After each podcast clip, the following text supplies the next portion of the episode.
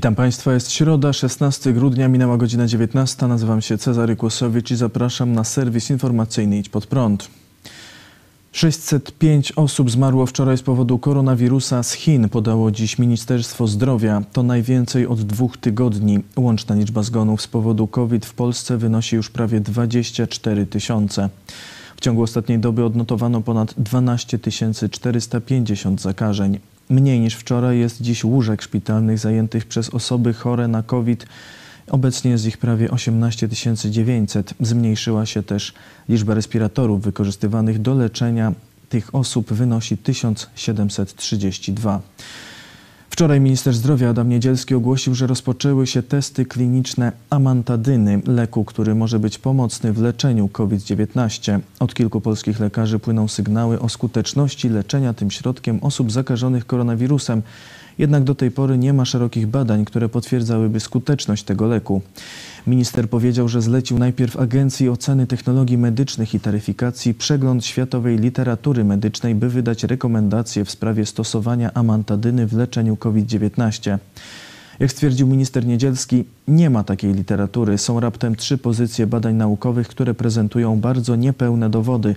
W związku z tym minister poprosił o przeprowadzenie badania klinicznego. Agencja Badań Medycznych w najbliższym czasie będzie zlecała wykonanie takich badań w dwóch ośrodkach. W zasadzie ten proces już się rozpoczął, powiedział Niedzielski.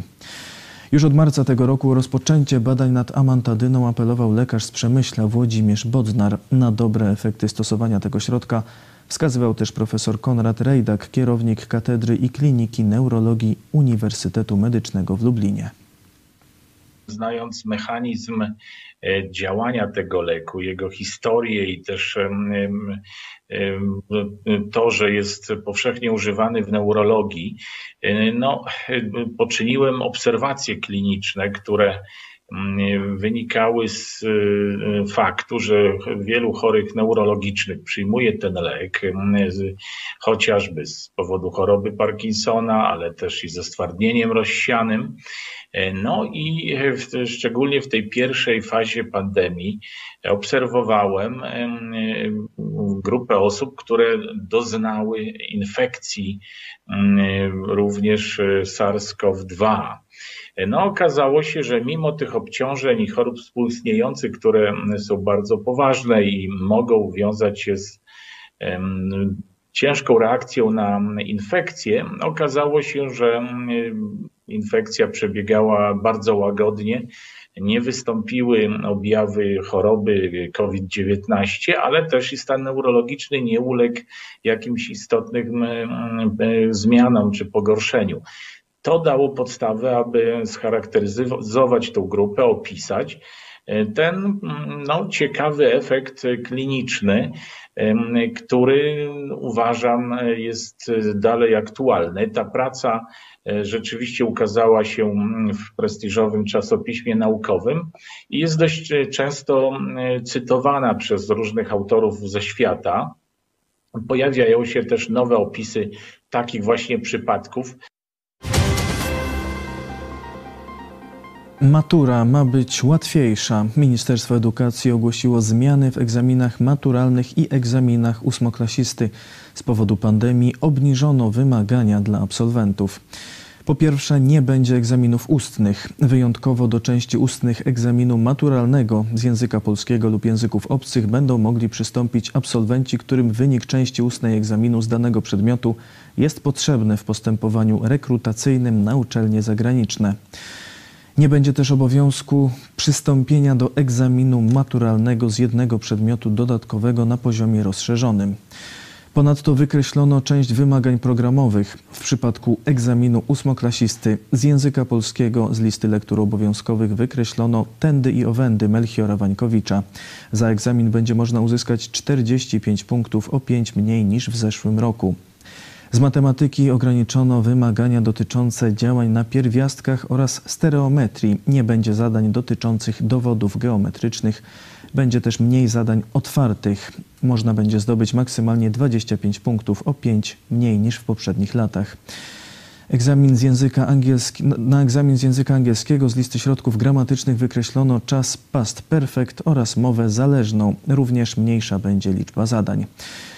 W przypadku egzaminu maturalnego z matematyki na poziomie podstawowym ograniczono wymagania dotyczące funkcji i grania stosłupów. W całości zredukowano wymagania dotyczące brył obrotowych i wymagania z czwartego etapu edukacyjnego dotyczące ostrosłupów. Mniej będzie zadań otwartych, mniejsza też będzie maksymalna liczba punktów.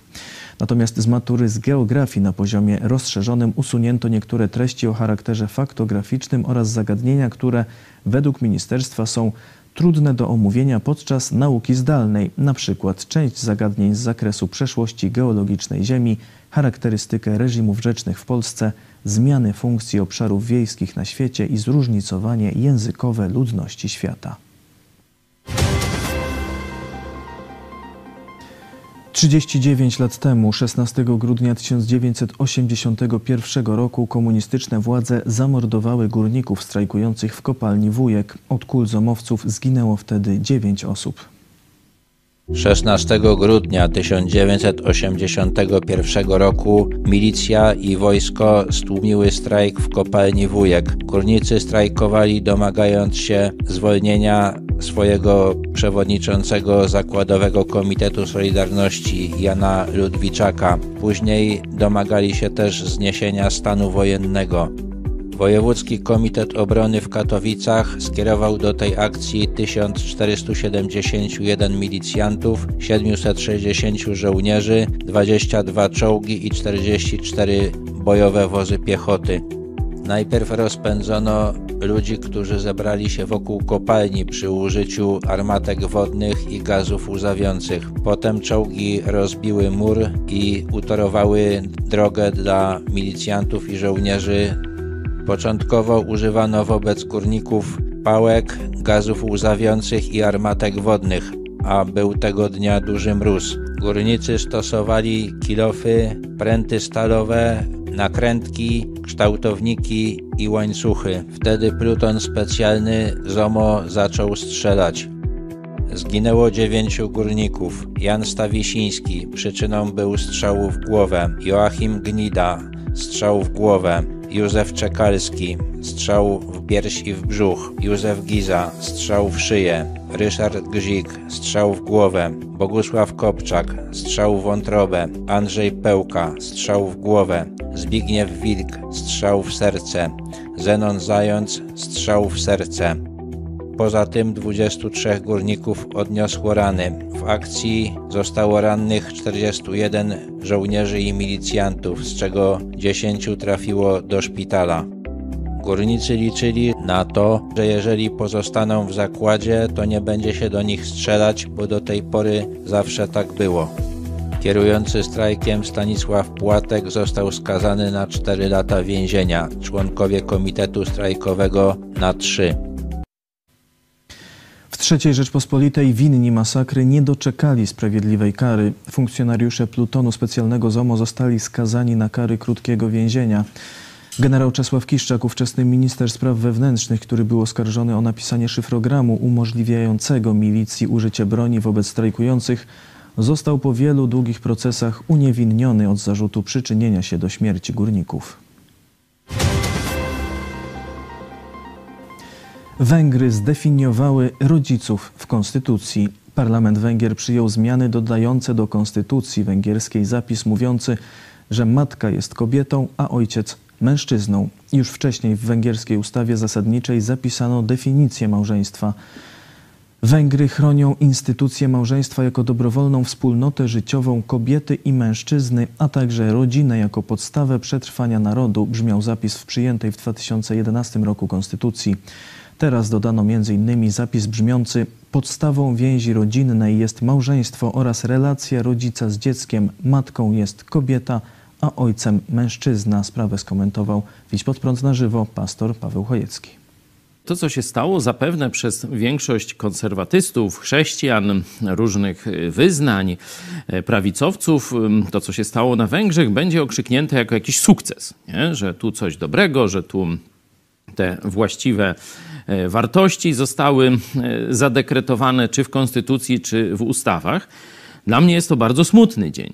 Dla mnie jest to dzień klęski chrześcijaństwa w świecie. W tym momencie normy już nie pochodzą, normy, którymi żyjemy, normy etyczne, które prze, za pomocą ustaw w normy prawne się przeradza, już nie funkcjonują e, jako wypływające z, ze Słowa Bożego, tylko wypływające z ustaw lub z ustawy zasadniczej, tylko konstytucji. Co to oznacza? To oznacza, że za ileś tam lat zapewne przyjdzie jakieś odbicie lewackie czy lewicowe i co zrobi? Zmieni konstytucję, zmieni te ustawy. Także to, że teraz konstytucje nam mają tak podstawowe sprawy, jak to, czym jest rodzina, czym jest małżeństwo, że to konstytucja ma Kim jest definiować. ojciec, kim tak, jest matka. to, to, jest, to jest klęska, można powiedzieć, naszego e, świata chrześcijańskiego. Wiecie, to no źle, że Węgrzy wpisali do konstytucji źle, że musieli to wpisać do konstytucji. Nie, że wpisali, bo to jest już próba obrony. To jest ostatnia obrona bastionu, można powiedzieć, normalności, czyli rodziny, e, czyli małżeństwa, czyli miejsca dla dzieci w społeczeństwie. To jest ostatnia próba, ale chcę, żeby było to jasne, że to jest próba skazana na klęskę. Jeśli nic się nie zmieni gdzieś w jakimś niższym, e, niższym w sensie bardziej fundamentalnym poziomie społeczeństwa, to za 5 lat w Polsce, czy za 3, na Węgrzech za 15 i tak dalej, zostanie wprowadzona nowa definicja, już podle już tych europejskich czy, czy LGBT-owskich standardów. Węgierski parlament przyjął także ustawę zakazującą adopcji dzieci przez pary homoseksualne. Co do zasady adoptować dzieci będą mogły tylko pary małżeńskie. W wyjątkowych przypadkach możliwa będzie adopcja przez osoby samotne. Amerykańskie władze wezwały wszystkie instytucje państwowe do wyłączenia narzędzia Orion dostarczanego przez firmę SolarWinds. Firma padła ofiarą dużego ataku hakerskiego. SolarWinds poinformowała, że zaatakowano wersje programu wydane między marcem i czerwcem tego roku. Zostały one wysłane do niemal 18 tysięcy podmiotów spośród 300 tysięcy klientów firmy. Hakerzy mogli przez te kilka miesięcy wykradać poufne informacje z tych instytucji. Ataku miała dokonać grupa wspierana przez obce państwo. Orion był używany przez wiele instytucji amerykańskich, m.in. Pentagon, Armię, Biuro Prezydenta, Pocztę i niektóre departamenty rządu. Z zaatakowanej usługi korzysta też wiele przedsiębiorstw, m.in.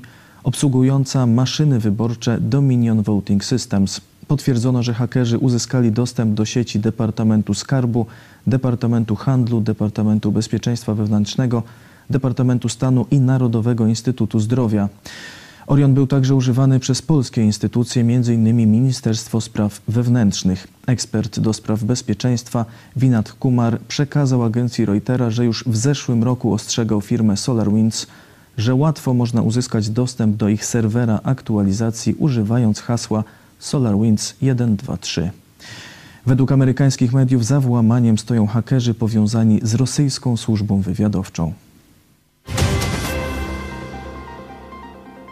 Ponad pół miliona Ujgurów jest zmuszanych do pracy przy uprawie bawełny w chińskiej prowincji Xinjiang. Amerykańska organizacja Centrum do Spraw Polityki Globalnej opublikowała raport, według którego w komunistycznych Chinach wykorzystuje się przymusową pracę mniejszości etnicznych. Do pracy przy zbiorze bawełny Ujgurzy zmuszani są często w ramach programu transferu pracowników. Program polega na przenoszeniu pracowników wiejskich, takich jak rolnicy czy pasterze, na pełnoetatowe stanowiska pracy najemnej. Często jest to praca w sektorze produkcji, ale także w usługach lub sezonowej pracy w rolnictwie. Autorzy dokumentu podają, że w regionie Xinjiang produkuje się 85% chińskiej i 20% światowej bawełny, z której powstają produkty znanych marek odzieżowych na świecie. Obiektem prześladowań chińskich komunistów są nie tylko Ujgurzy.